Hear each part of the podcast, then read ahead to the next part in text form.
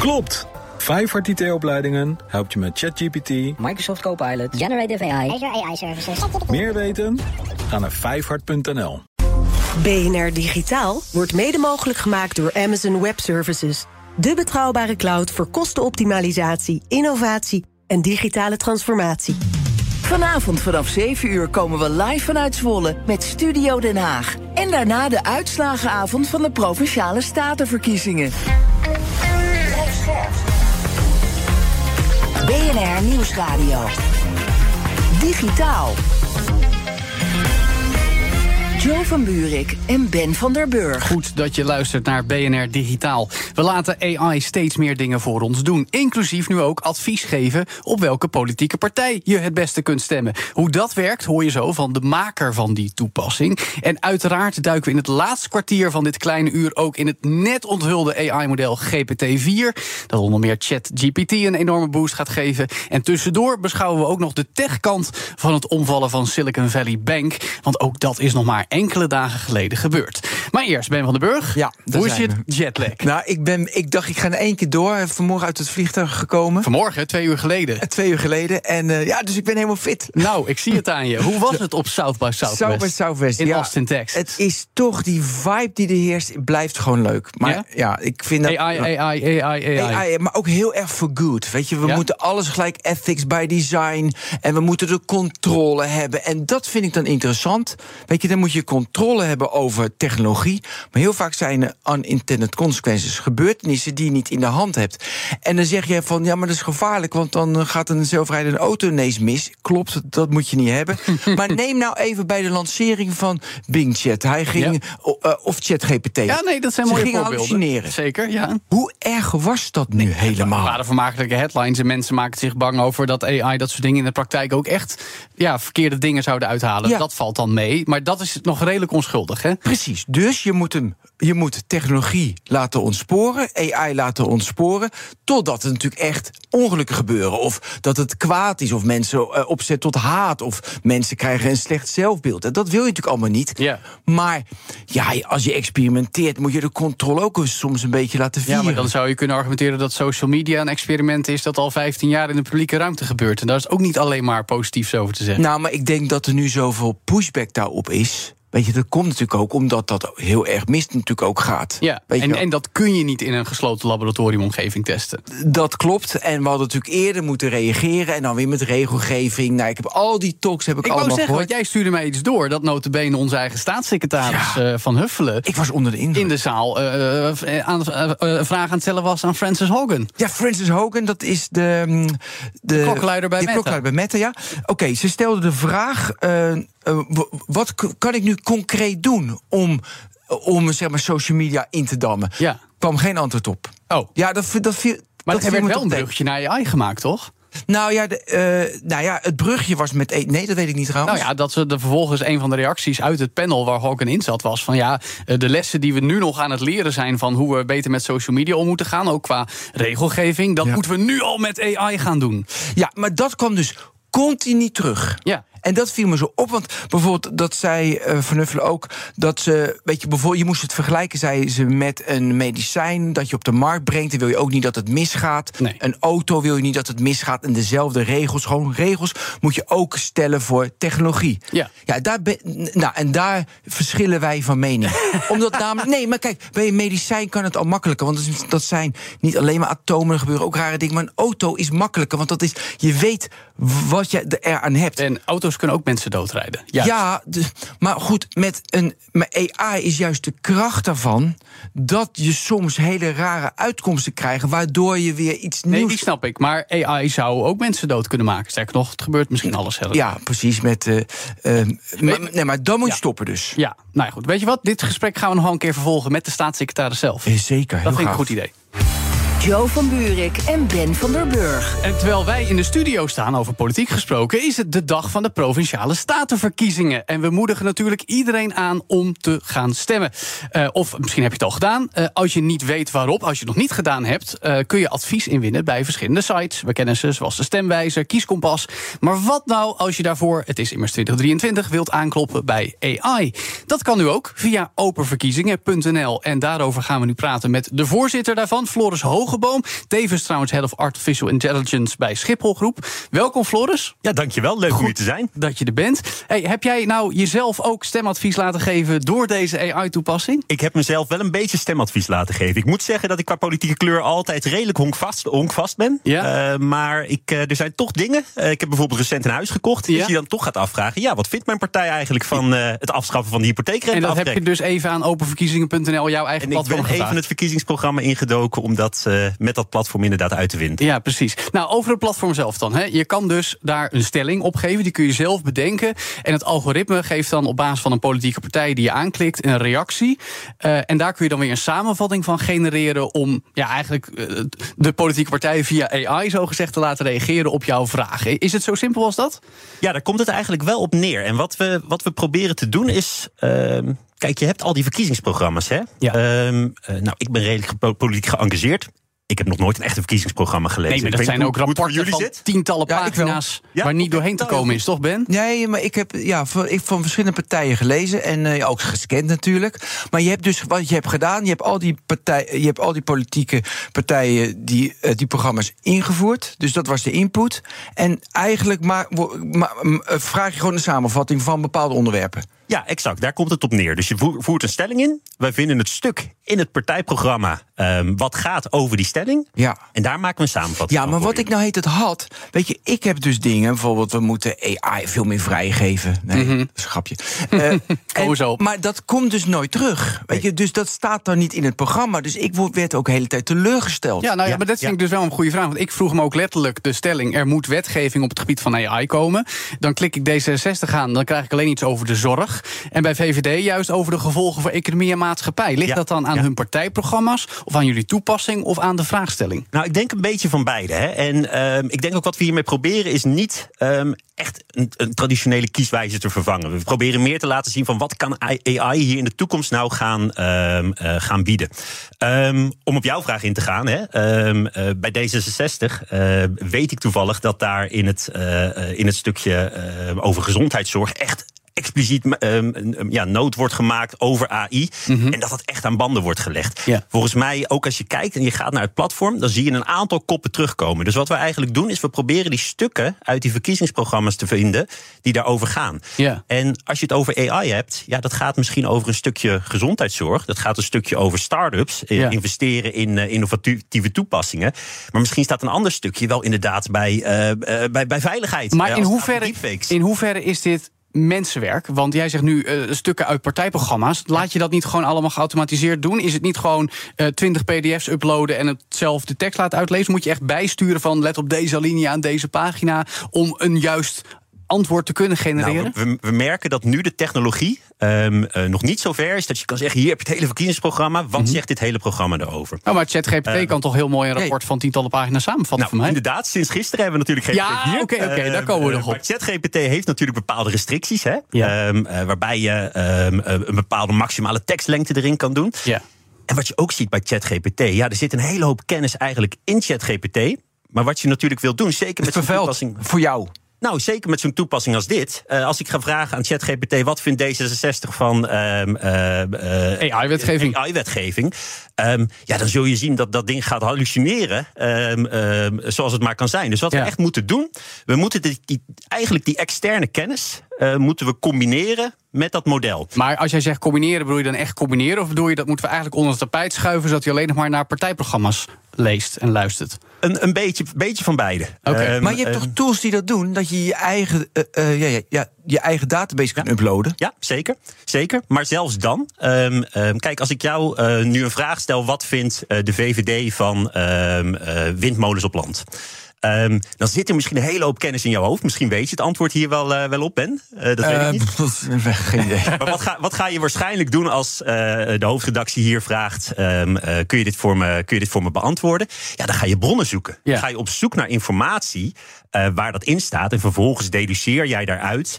ehm, ehm, ja, wat is, wat is het antwoord op die vraag? Maar dit vind ik interessant, want zit er dan meer door jullie ingestopt in dan alleen die partijprogramma's? Zit er ook onderzoek in? Zit er ook eh, mediapublicaties in? Om maar tot meer referentiemateriaal Nee, te komen. nou, we zitten nu puur op die partijprogramma's. Ja. En daar zit echt een soort tweetrapsraket in. Van eerst zoeken we het stukje partijprogramma's. Ehm, daarvoor gebruiken we technologie van een Amsterdamse start-up.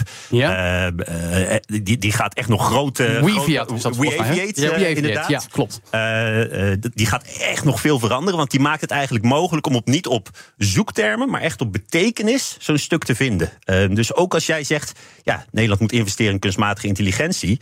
Is hetzelfde als Nederland moet investeren in AI. Ja, precies. Dus of eigenlijk- Nederland moet investeren in digitale Dus, technologie. dus als het gaat om definities, synoniemen, homoniemen, Exact. dan kan hij dat beter uit elkaar halen Ja. met WeAviate. En dat stoppen we, dat stukje partijprogramma samen met jouw vraag, stoppen we in ChatGPT. Daar vragen we ook aan ChatGPT, wees, wees nou eens specifiek. Hè? Waar, waar, waar leidt je dit uit af? Welke zinnen? Want inderdaad, dat hallucineren waar jullie het net al in het begin even over hadden. Ja, zeker voor dit soort toepassingen is dat natuurlijk best wel een, eh, best wel een risico. Ja. Ehm, ehm, daar proberen we echt met wat heet prompt engineering. Dus Ja. aan ChatGPT op een bepaalde manier vragen, eh, Ja. eh, vragen te stellen. Proberen we hem daar heel conservatief in te maken. En dat is het antwoord wat je ziet. En eh, sla je ook de prompts die de mensen of de stellingen die de mensen invoeren op?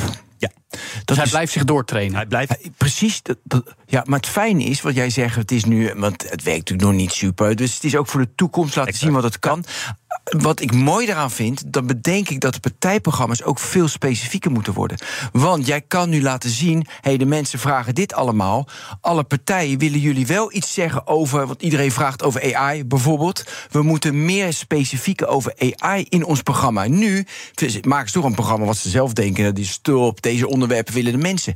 Ja. Maar nu leer je ook wel stellingen komen er nu. Kun je daar iets over zeggen welke stellingen mensen formuleren die, Nou, dat- die je niet had verwacht? Um, daar hebben we nog niet echt in gekeken, moet ik, moet ik is zeggen. het is boeiend, wel super interessante informatie. Ik zit, ik, zit, ik zit er nog wel met een beetje met een ethisch probleem. En van, wil, Hmm. je, wil je dat gebruiken op die manier? Wil je dat op die manier Natuurlijk, ook man. iets mee, ehm, mee Nou ja, het, Nou ja, het voor jezelf inzien en gebruiken is één ding. Het communiceren, het communiceren is een naar tweede. Dat snap ik het tweede. het natuurlijk wel een beetje richting, ehm, eh, ja, richting een soort profielen bijna. Klopt. Hè? En eh, ik- ik weet dit- niet of je die route wil gaan. Nee, maar goed, dat, da- daar hoeven we ook niet precies naartoe. Maar wat ik wel interessant vind, we kennen natuurlijk de stemwijze en de kieskompassen. Die werken met vooraf gedefinieerde stellingen waar jij het eens of oneens mee bent. En dan komt aan het eind van de rit een stemadvies uit.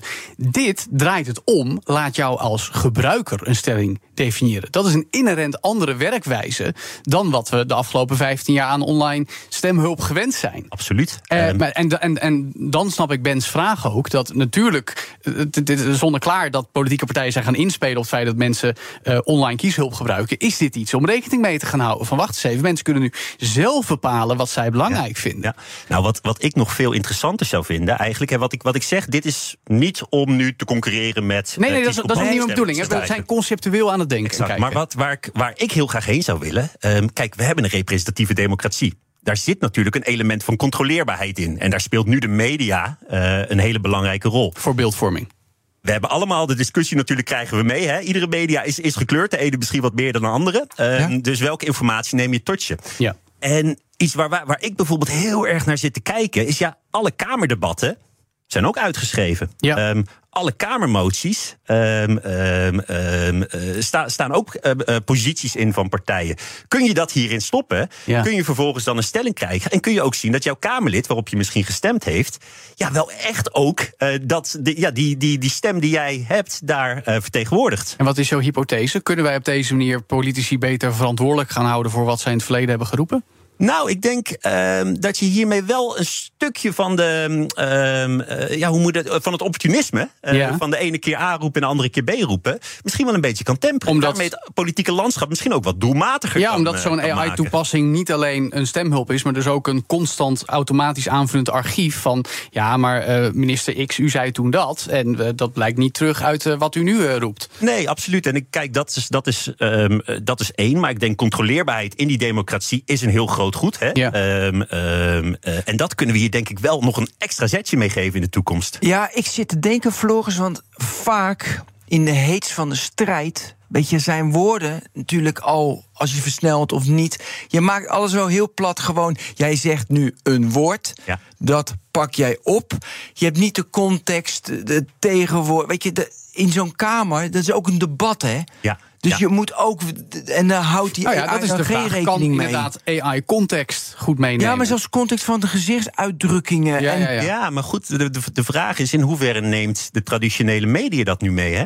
Ja, dat is waar ook niet. Nee, dat klopt. Nee, ook het is niet. heel makkelijk om iemand... gelijk. Die gaan er ook eh, Nee, dat is waar. eh, wat, eh, wat Tuurlijk, het is makkelijk om iemand uit context te citeren of wat voor ook. Eh, even, nog even terug naar, je, naar het platform, hè, openverkiezing.nl. Je hebt twee standen, interpretatie en feitelijk. Wel, Hoe moet ik dat zien? Wat, wat Nou, is het onderscheid? we, ehm, wat we merkten eh, met die toepassingen van, eh, van ChatGPT, hè, is dat als je gewoon ChatGPT vraagt van wat zegt dit stuk, wat zegt dit partijprogramma hierover, nou dan geeft hij een antwoord en dan gaat hij ook echt een beetje tussen de regels doorlezen. En dat kan soms heel nuttig zijn, ehm, omdat je daarmee ook, ja, als zo'n partijprogramma niks zegt over kunstmatige intelligentie, maar wel iets zegt, we moeten investeren in innovatieve technologieën en digitale start-ups. ja.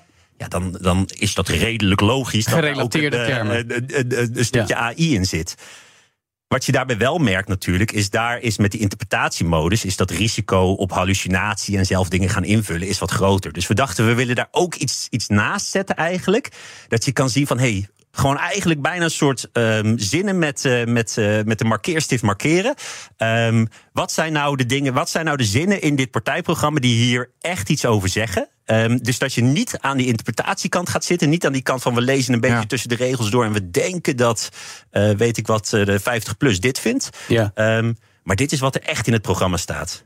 En feitelijke onjuistheden, als dat in een programma komt, gewoon wat gewoon stom is. En, en schandalig. Van nou, een is- populistische partij bijvoorbeeld. Nou, dat is, dat is wel een grappig voorbeeld. Hè. Daar, zie, daar zie je dat die AI het echt moeilijk heeft eh, met feitelijke onjuistheden. En het mooiste voorbeeld vind ik, ik weet niet meer welk partijprogramma dat was, maar ehm, er, er is één partij die zegt Nederland moet uit Europa. En dat is feitelijk onmogelijk. Natuurlijk, we liggen op het continent Europa. We kunnen wel uit de Europese Unie. Ja. Grappig, Daar- ja. En daar zie je. Voor zo- Democratie is dat volgens mij Volgens mij zo, zoiets inderdaad. En daar zie je dat zo'n partij, dus dat zo'n AI met die feitelijke onjuistheden, ehm, ja, dan toch een beetje de mist in gaat. En dan, dan zit, ja, wat, wat, waar, waar- wat moet ik je antwoorden? Ja, we hadden het net al eventjes heel kort over GPT-4. En later in deze BNR Digitaal gaan we daar nog uitgebreid op in. Maar eh, heb je daar ook al een beetje in verdiept? En zie jij nieuwe mogelijkheden om dit platform te verrijken met de mogelijkheden van? Of is dat nog de early days? Ehm, ik moet zeggen dat het, dat het nu nog redelijk, redelijk vroeg is. Ehm, ik, ben, ik ben natuurlijk gisteren, net als eh, iedereen, eh, jullie waarschijnlijk ook eh, enthousiast gelijk de documentatie in, eh, ingedoken. Ja. Kijk, wat ik van ehm, GPT-4 heel interessant vind, eh, is één, de kwaliteit die omhoog is gegaan. Maar ook, ChatGPT was best beperkt in de hoeveelheid inhoud die je erin kon Ja. stoppen. En dat heb je waarschijnlijk als je gewoon de chat-interface gebruikt nooit Maximaal gemerkt. aantal tekens eigenlijk. Maximaal aantal het is tekens. nu 20.000 woorden, toch? Was Ehm, ik snel? het- het- GPT-4 gaat naar eh, 25.000 woorden. Ja, precies, Ehm, ja. Wat ChatGPT precies is, weet ik niet. Maar echt significant minder. Echt een Ja, ja. factor 10 eh, eh, in die zin. Dus dat biedt gelijk al meer mogelijkheden Dat om te voeden. Enorme kansen. Want dat betekent ook dat, ik niet meer, dat we niet meer zo'n klein stukje ehm, Programma. programma erin hoeven stoppen. Nee, dat we gewoon een heel hoofdstuk erin kunnen stoppen. Ja. En eh, dan kun je die AI veel beter zijn werk laten doen. In plaats van dat je hem al vooraf een handje moet helpen. Ja, ja. Tegelijkertijd, hè, ik noem ze toch nog een keer, de be- bestaande online kieshulp. Tuurlijk, het is niet bedoeld om te concurreren, maar gaat daar iets mis wat je oplost door AI toe te passen? Of is het gewoon een add-on? Nou, ik denk, ik denk transparantie ook. Hè. Ehm, ehm, kijk, eh ProDemos en Kieskompas, die, eh, ProDemos is de, de partij achter de, eh, achter de stemwijzer. Ja. Ehm, eh, die, die doen daar heel integer werk. Eh, die doen daar heel erg hun best. Maar, Om ehm, neutraal te zijn. ehm, om neutraal te zijn. Maar ja, je ziet, je ziet niet waar is, nou, waar is nou dat stukje echt op gebaseerd. Alhoewel ze daar tegenwoordig wel stappen in maken hoor. Dat ze proberen hun bronnen daarbij te vermelden. En dat proberen we hier wel door hem echt, zeker nu, heel dicht bij dat verkiesprogramma te- verkiezingsprogramma te houden. Ehm, ehm, eh, proberen we echt te laten zien wat is het bestaande stuk in dat programma. Ja, eh, maar jullie, zijn er ook, maar jullie zijn er ook specifieker. Want als je een kieskompas doet, ja, dan heb je die eh, 22 stellingen. En ja, sommige stellingen die kan je wegvinken dat je die ze niet belangrijk vindt. Maar het is vrij beperkt. Ja, ja. Hier ga je, net zoals met ChatGPT, ga je mee spelen. Wat staat er precies in? Absoluut. Ehm, je kan hier veel meer diepgang boeken. En dat is op landelijk niveau is dat ehm, interessant. Daar zijn natuurlijk de thema's relatief groot. Waar ik me echt op verheug, is om dit soort technologie ook te zien tijdens lokale verkiezingen. Wat, wat moet er in de, in de, in de Beukenlaan eh, Ja. eh, gebeuren? Eh, wat vindt, Moeten eh, alle sparren worden gekapt? Ja, nou ja. Ja, ja, ja. hy- Hyperlokale Ja. AI eh Nee, maar dat, kun dat kun je ja. hiermee natuurlijk doen, omdat Ja. je hebt er nooit de capaciteit, maar je Ja. hebt er wel de data. Ja. Ehm, je hebt Ja. alle, eh, alle informatie, alle raadsvergaderingen openbaar. Ja. Eh, dus dit gaat echt iets betekenen voor ja, die, De zichtbaarheid van de democratie. Nou ja, volgend jaar hebben we weer verkiezingen, toch? Maar dan weer voor een andere categorie. Europese verkiezingen. Nou, dat bedoel ik. En dan, ook nog internationaal met verschillende talen, verschillende uit verschillende landen. Ik dus zie, dit wordt eh, helemaal prachtig. Ik zie kansen en dan moeten we het er zeker weer over hebben. Dankjewel, Floris Hogeboom, voorzitter van openverkiezingen.nl. Straks praten we door over AI, want we moeten natuurlijk alles te weten komen over dat nieuwe AI-model GPT-4 van OpenAI en hoe baanbrekend dat nou is. En je hoort nog welke techbedrijven er nou echt last hebben van het omvallen van Silicon Valley Bank. Maar eerst gaan we er heel kort tussenuit. Tot zo. Vanavond vanaf 7 uur komen we live vanuit Zwolle met Studio Den Haag. En daarna de uitslagenavond van de Provinciale Statenverkiezingen. BNR Nieuwsradio. Digitaal.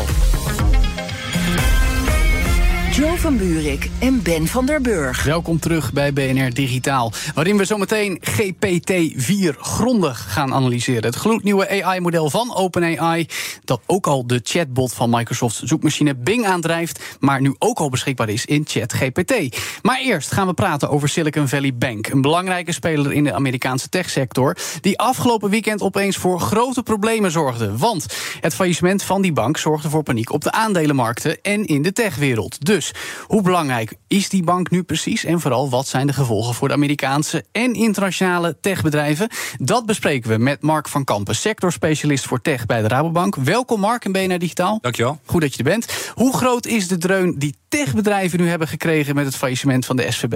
Nou, ik denk dat die dreun best fors is. eh, fors is. Ehm, als je kijkt naar ehm, de, de rol van Silicon Valley Bank in de techwereld, zeker in Amerika, is die heel groot. Eh, voor de goede orde, als je kijkt naar hoe financier je techbedrijven, is een andere fase dan de klassieke bedrijven die door reguliere banken worden gefinancierd.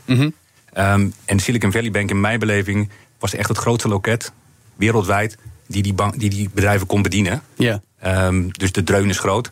Ehm, voor bedrijven in Amerika, ongeveer 50% had een relatie met de Silicon Valley Bank. Zo. Ook in eh, de UK, waar een gedeelte eh, van eh, Silicon Valley Bank is overgenomen door HSBC om die bedrijven veilig te stellen, om het zo maar te zeggen. En ook in Europa, waar het ook bekend is dat een aantal bedrijven ehm, banden hadden met Silicon Valley Bank als ze eh, vestigingen in Amerika hadden. Ja. Ben, Ja. dit was nogal een ding, hè? Want jij landde ding. in Austin afgelopen vrijdag, donderdagavond. Donderdagavond en in het vliegtuig al kreeg ik berichten: heb je het gehoord, heb je het gehoord, heb je het gehoord. Toen was het net naar buiten gekomen. En in Silicon Valley, eh, Silicon Valley, eh, in Austin, iedereen had het erover, over de bank. Eh, ik had een vriend die, die, die werd gebeld dat iemand anders zijn geld niet meer weg kon halen. Iedereen was ermee bezig. Ja, er was echt paniek, hè? was complete paniek. Ja. Maar wat ik nog wel interessant vind, want we hebben het over de techsector.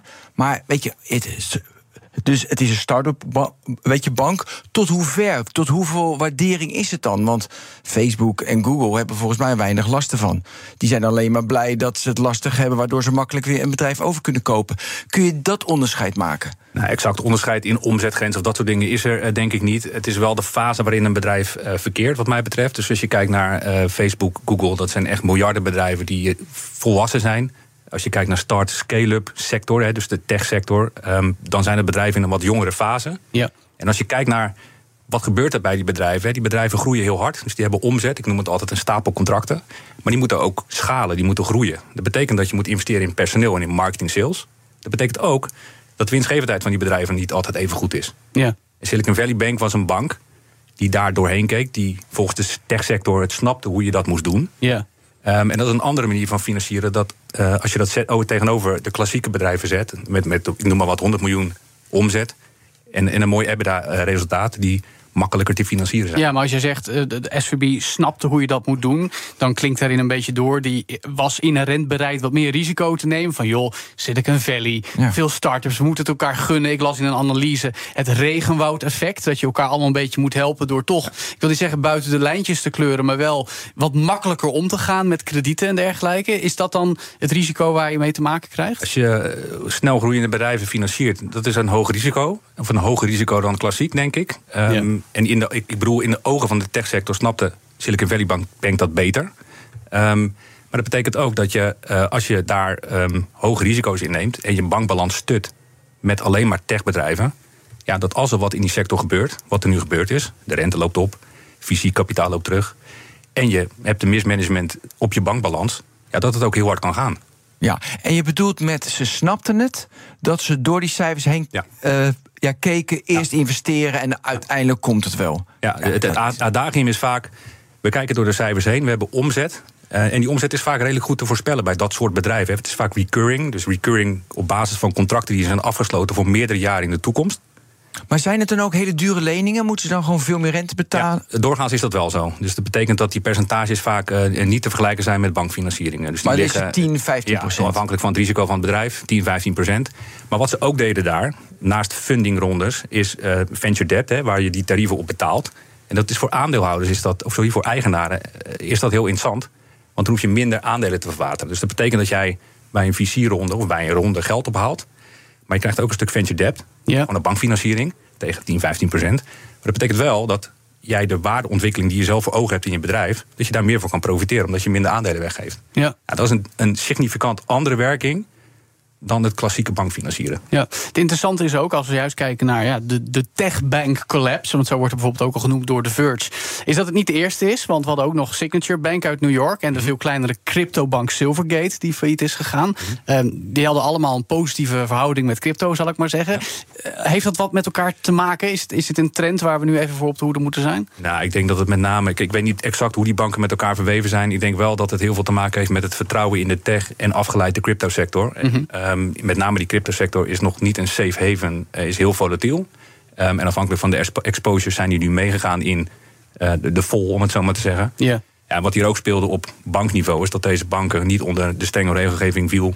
Ehm, net zoals andere banken, grote banken in Amerika. Ja. En dat betekent dus dat het toezicht gewoon minder was. Ja. Even eh, kijken naar Europa. Hè. Eh, hebben we nou een, een, een equivalent van wat Silicon Valley Bank in de VS doet of deed? Of, of, of eh, zit dat gewoon niet in, in onze cultuur? Voor zover ik ben geïnformeerd niet. Niet van die orde van grootte en het, de grootte van het loket. Eh, je ziet dat het per land verschillend is hoe het wordt opgepakt. En dan heb ik het over het financieren van start scale-ups.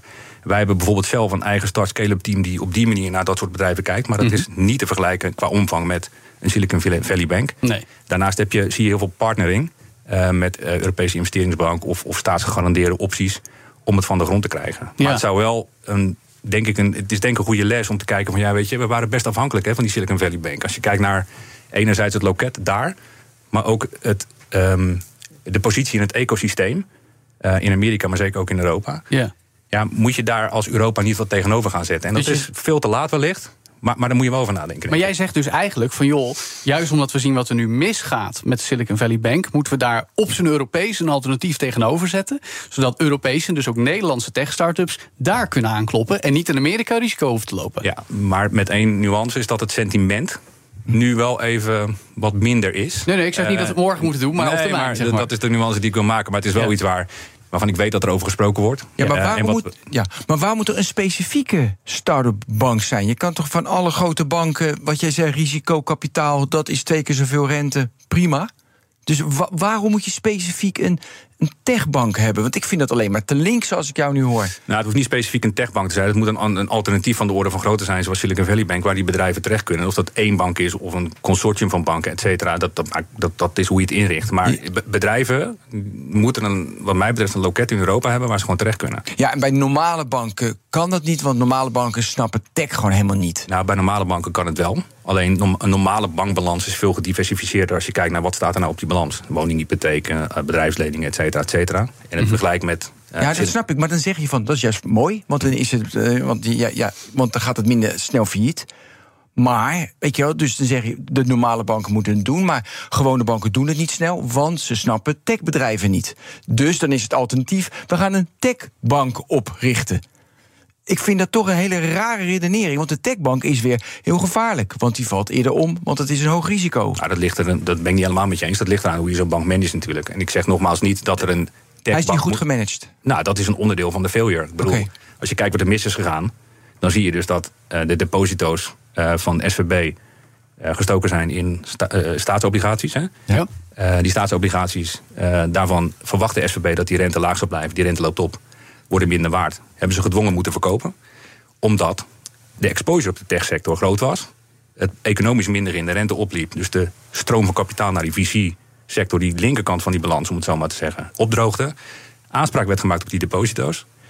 Dat had SVB niet goed voor elkaar. Die hebben uiteindelijk een aandelenemissie wilden ze doen omdat, om die liquiditeit aan te vullen. Ja. En daar is uiteindelijk de onrust vandaan gekomen in de bankrun. Ja. Toen was het klaar. Nou ja, wat er nog meespeelt is natuurlijk het, het, het zichzelf versterkende effect van ook mensen zoals toch wel beruchte Ja, tegeninvesteerder. Pieter Thiel, die zegt van je moet nu je geld daar weghalen. Ja. ja en dat is die self-fulfilling prophecy Ja, en ik, die vind dat heel, en, ik vind dat, wordt. en ik vind dat heel makkelijk roepen. Ehm, want het is natuurlijk wel zo dat nu gewoon die bank doordraait, om het zo maar te zeggen. De Ja. CEO zegt gewoon van jongens, kom maar naar binnen. Dat Ja. vertrouwen is natuurlijk door dat soort oproepen best wel beperkt. Nou, zeg je dat wel ja. Precies. En wat ik bedoel te duiden is dat er gewoon een loket moet komen... waar techbedrijven terecht kunnen in een bepaalde situatie... om ook bankair Ja. met andere investeerders, met andere financiers eh, te financieren. Want als je kijkt naar die techsector, daarvan vinden we allemaal dat het interessant is dat ze bijdragen aan de transities, aan de, eh, ik, ik weet het, eh, de duurzaamheidstransitie, de voedseltransitie, noem het allemaal op. Ja. Alleen het financieren van die sector en van dat soort bedrijven, dat blijft altijd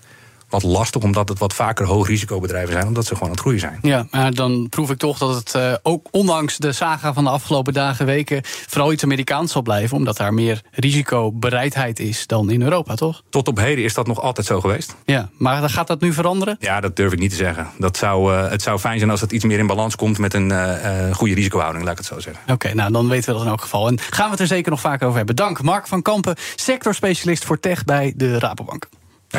Digitaal.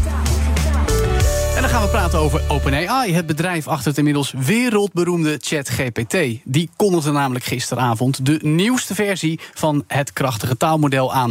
GPT-4 is de naam en het is sneller en slimmer en kan ook nog eens plaatjes analyseren. Hebben we hier opnieuw te maken met een doorbraak? En wat zijn dan straks de nieuwe concrete toepassingen? Dat vragen we aan Tijme Blankenvoort, Director of Engineering Deep Learning bij Qualcomm en vaak hier te gast. Dus ook vandaag. Welkom Tijme. Ja, leuk om jullie te zijn. Goed dat je er weer bent. Hoe revolutionair was het allemaal, die aankondiging eh, deze week van OpenAI? Ja, het is allemaal geheel in de lijn met wat ik verwacht vanuit een onderzoeksperspectief. Maar ik denk als gebruiker zeer revolutionair. Eh, want eh, is het dan iets wat jou verbaast van nou dat ze dat echt gaan doen? Nou, ik had al een paar uitzendingen geleden heb ik het hierover gehad en gezegd van ja, hè, multimodal, plaatjesherkenning, dat gaat allemaal toegevoegd worden. Dat zit er nu in, dat was verwacht. Maar het is goed, joh, niet normaal. Ja, want jij hebt er al mee kunnen spelen. Hè? En wat, wat, wat, wat was wat dan hetgene wat je gelijk het meest opviel toen je ook daadwerkelijk met GPT-4 aan de slag ging? Nou, ten eerste, de, ik, ik geef hem wel eens logische puzzeltjes en dergelijke. En kijk hoe goed hij dat doet. Hij maakt eerst heel veel fouten met GPT-3, GPT-4. Ongelooflijk goed. Maar alle Als in puzzeltjes gewoon een grotere kans op juiste uitkomsten Ja, bedoel veel je? grotere kans. Ik heb hem ook de programmeeropgaves gegeven die we toen voor die test hebben gedaan op BNR. Dus op een gegeven moment hadden we zo'n test mensen tegen eh, GPT-3. Ja, daar hebben we het over er gehad, ja. programmeren? Ja. En wat denk je? Degene, die- de vraag die hij toen fout deed, doet hij nu goed. Ja. En niet een klein beetje goed, hè, extreem goed. Ja, ja, maar oké, dus dat onderzoek moet wel herzien, Ben. Ja, die moeten we even overnieuw doen. Ja. het is echt even één voorbeeldje daarover. Een Ja. van de vragen was, eh, maak een rekenmachine. Ja. Right? En het probleem van GPT-3 was, die maakt geen interface voor die rekenmachine. Weet je wat hij nu doet? Nou, Hij genereert gewoon een volledige CSS en HTML web- webpagina als interface voor die rekenmachine. ja. En die doet het. Tijmen, Ja, wat hebben ze gedaan? Wat hebben ze gedaan? Eh, model groter, beter. Eh, het is echt veel meer data getraind, veel beter getraind. Maar de rest van wat ze hebben gedaan, weten we niet. Want dit is de eerste keer dat OpenAI zijn model niet openbaar Closed. maakt. Ja. Closed, closed AI, Maar dat OpenAI is, meer. dat is nog wel een stap, hè? En dat staat ook een beetje haaks op de naam OpenAI. Want daardoor zijn mensen geneigd te denken: oh, het is open source. Dat is het dus niet. Nee. Is dat nou puur gedaan vanwege de AI-hype en de race die nu gaande is? Dus onder meer Microsoft als financier van OpenAI en Google en andere partijen.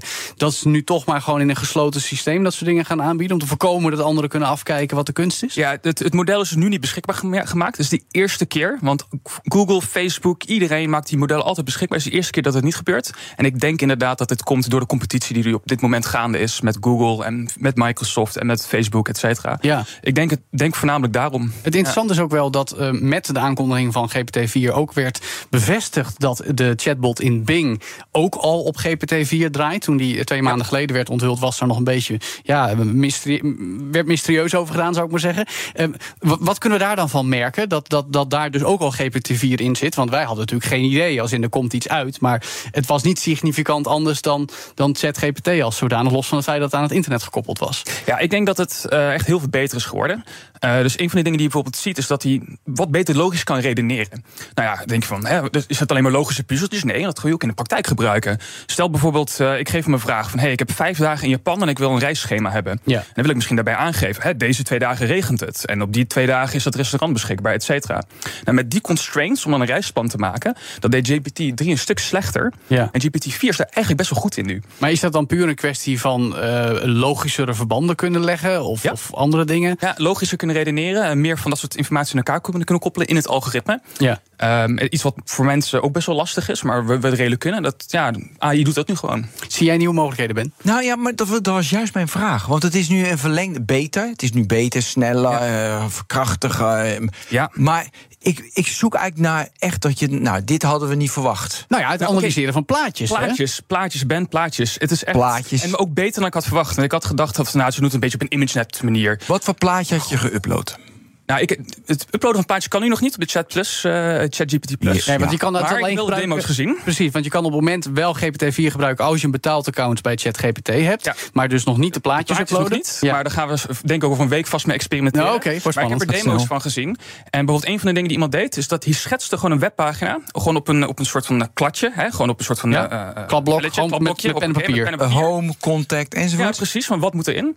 En dan ingest hij dat. En aan de hand daarvan maakt hij een webpagina. Maar dan ook de code die je gewoon kan copy-pasten om die site te maken. Ja, dat En is moet, wel- je, en moet je je voorstellen, kijk, eh, eh, dit soort ChatGPT-applicaties worden straks ook gebruikt om bijvoorbeeld als tutor voor kinderen. Ja. Right? Nou ja, als je bijvoorbeeld grafieken moet tekenen of tabelletjes moet tekenen en dat soort dingen, of geometrie moet doen en wiskunde, dan kan een kind ook zo'n plaatje tekenen. Dan kan ChatGPT dat analyseren en daar weer feedback op geven. Dat Ja. maakt zoveel meer mogelijk. Maar, uh, ho, Tijmen, je maakt het gelijk al heel mooi en nobel, weet je wel. En eh, dat, die zie ik ook, hè. Want notabene, we hadden het over staatssecretaris van Huffelen. ik wil zo graag terug naar het begin van de uitzending. heeft in Hoe ook al de, de opkomst van AI vergeleken met die van de rekenmachine en de computer in het klaslokaal. Hartstikke mooi. Maar zit hier een schaduwkant aan? Want ik zie jou helemaal glunderen van enthousiasme. Zijn er niet dingen die juist omdat we nu al zo snel bij een nieuwe versie van een, een, een, een, een leidend AI-model uitkomen waar we voor op de hoede moeten zijn? Ja, het, het is gewoon knijtergoed en het gaat ongelooflijk snel. En misschien wel te snel om goed te reguleren. Nou, maar dat is mijn punt. Ja, nee, Gaat dit is niet 100%. opnieuw weer dingen stuk maken zoals we eigenlijk in december net voor het eerst druk aan het maken waren? Ja, eh, eh, 100% dat denk ik. Ja, Ja. ja. Ja, Ik bedoel, eh, content genereren die je niet meer van echt kon onderscheiden. eh, ehm, code schrijven voor hackers, voor mensen die helemaal geen code kunnen schrijven. Misschien krijg je veel meer mensen die eh, eh, eh, hackingcode kunnen schrijven. Allemaal van dat soort problemen. Plagiaatproblemen, et cetera. Ga je nog veel meer van krijgen. Ja, nou fijn, Tijmen. Ja, En jij wordt er blij van. Ik word er heel blij van, want ik denk ook dat we dat op kunnen lossen als Ja? maatschappij. Ja, 100% En niet zeggen met GPT-4. nou, bijvoorbeeld, nou ja, wie weet. Oh. Maar bijvoorbeeld op fraudedetectie. Kijk, OpenAI die weet daar vanaf. Dus er zijn nu ook websites, eh, bijvoorbeeld Stripe is er eentje van. En daar kan je dus checken of jouw tekst gegenereerd is door GPT of niet. Ja. En dat kan je eigenlijk alleen maar als je toegang hebt tot dat model, right?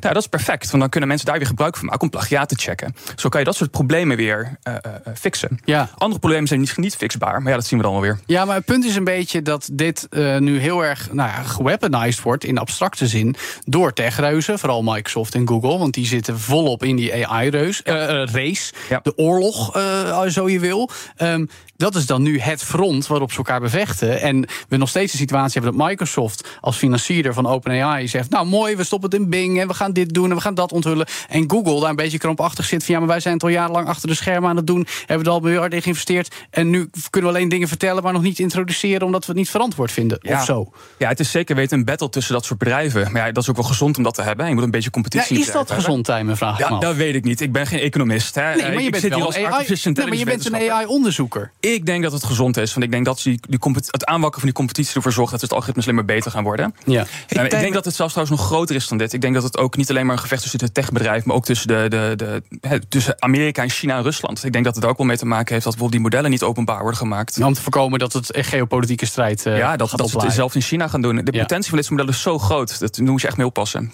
Hoe zit het met de decentrale modellen? Dus dat je zelf het draait op je eigen computer. Ja, hele leuke. Ehm, ja, dat, dat, dat zit er ook aan te komen. Dus eh, er zijn al demo's waarbij dus dit soort GPT-achtige modellen op een laptop draait. Dus dan dat je het gewoon op je laptop zelf draait.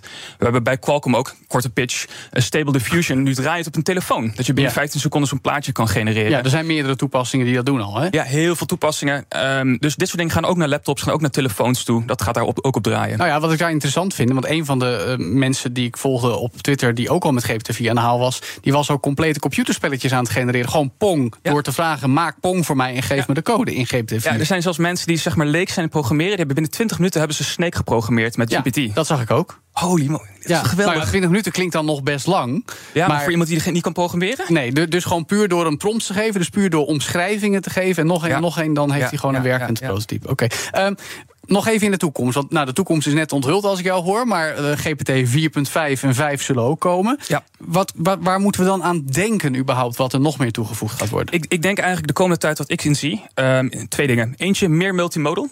Dus we gaan, we gaan naar dingen als eh, geluidsherkenning, spraakherkenning en dat soort dingen. Maar ook algoritmes als Midjourney en DALL-E die in dat systeem komen. Dus dan kan je hem vragen om plaatjes te genereren. En dan kan je ermee interacten en zeggen: Ik wil dat plaatje toch net wat anders en dat soort dingen. Dat je gewoon kan bijsturen. Dat je hem bij kan sturen. Dus in gesprek gaan met het algoritme dat plaatjes genereert. Dat is er één.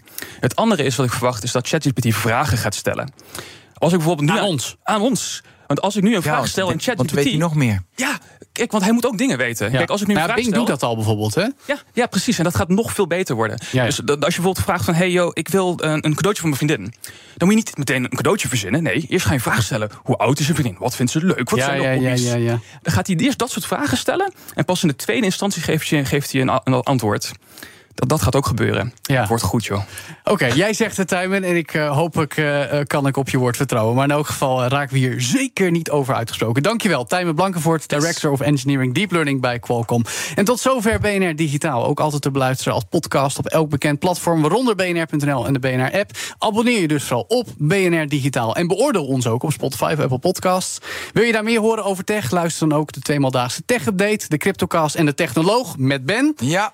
Van, dus deze week over windmolens. Ook interessant. Elke dinsdag All in the Game en Nexus. Elke donderdag een nieuwe aflevering. En elke woensdag dus een nieuwe BNR Digitaal. En dus zeg ik wederom namens onze hele tech-redactie... tot volgende week. Dag.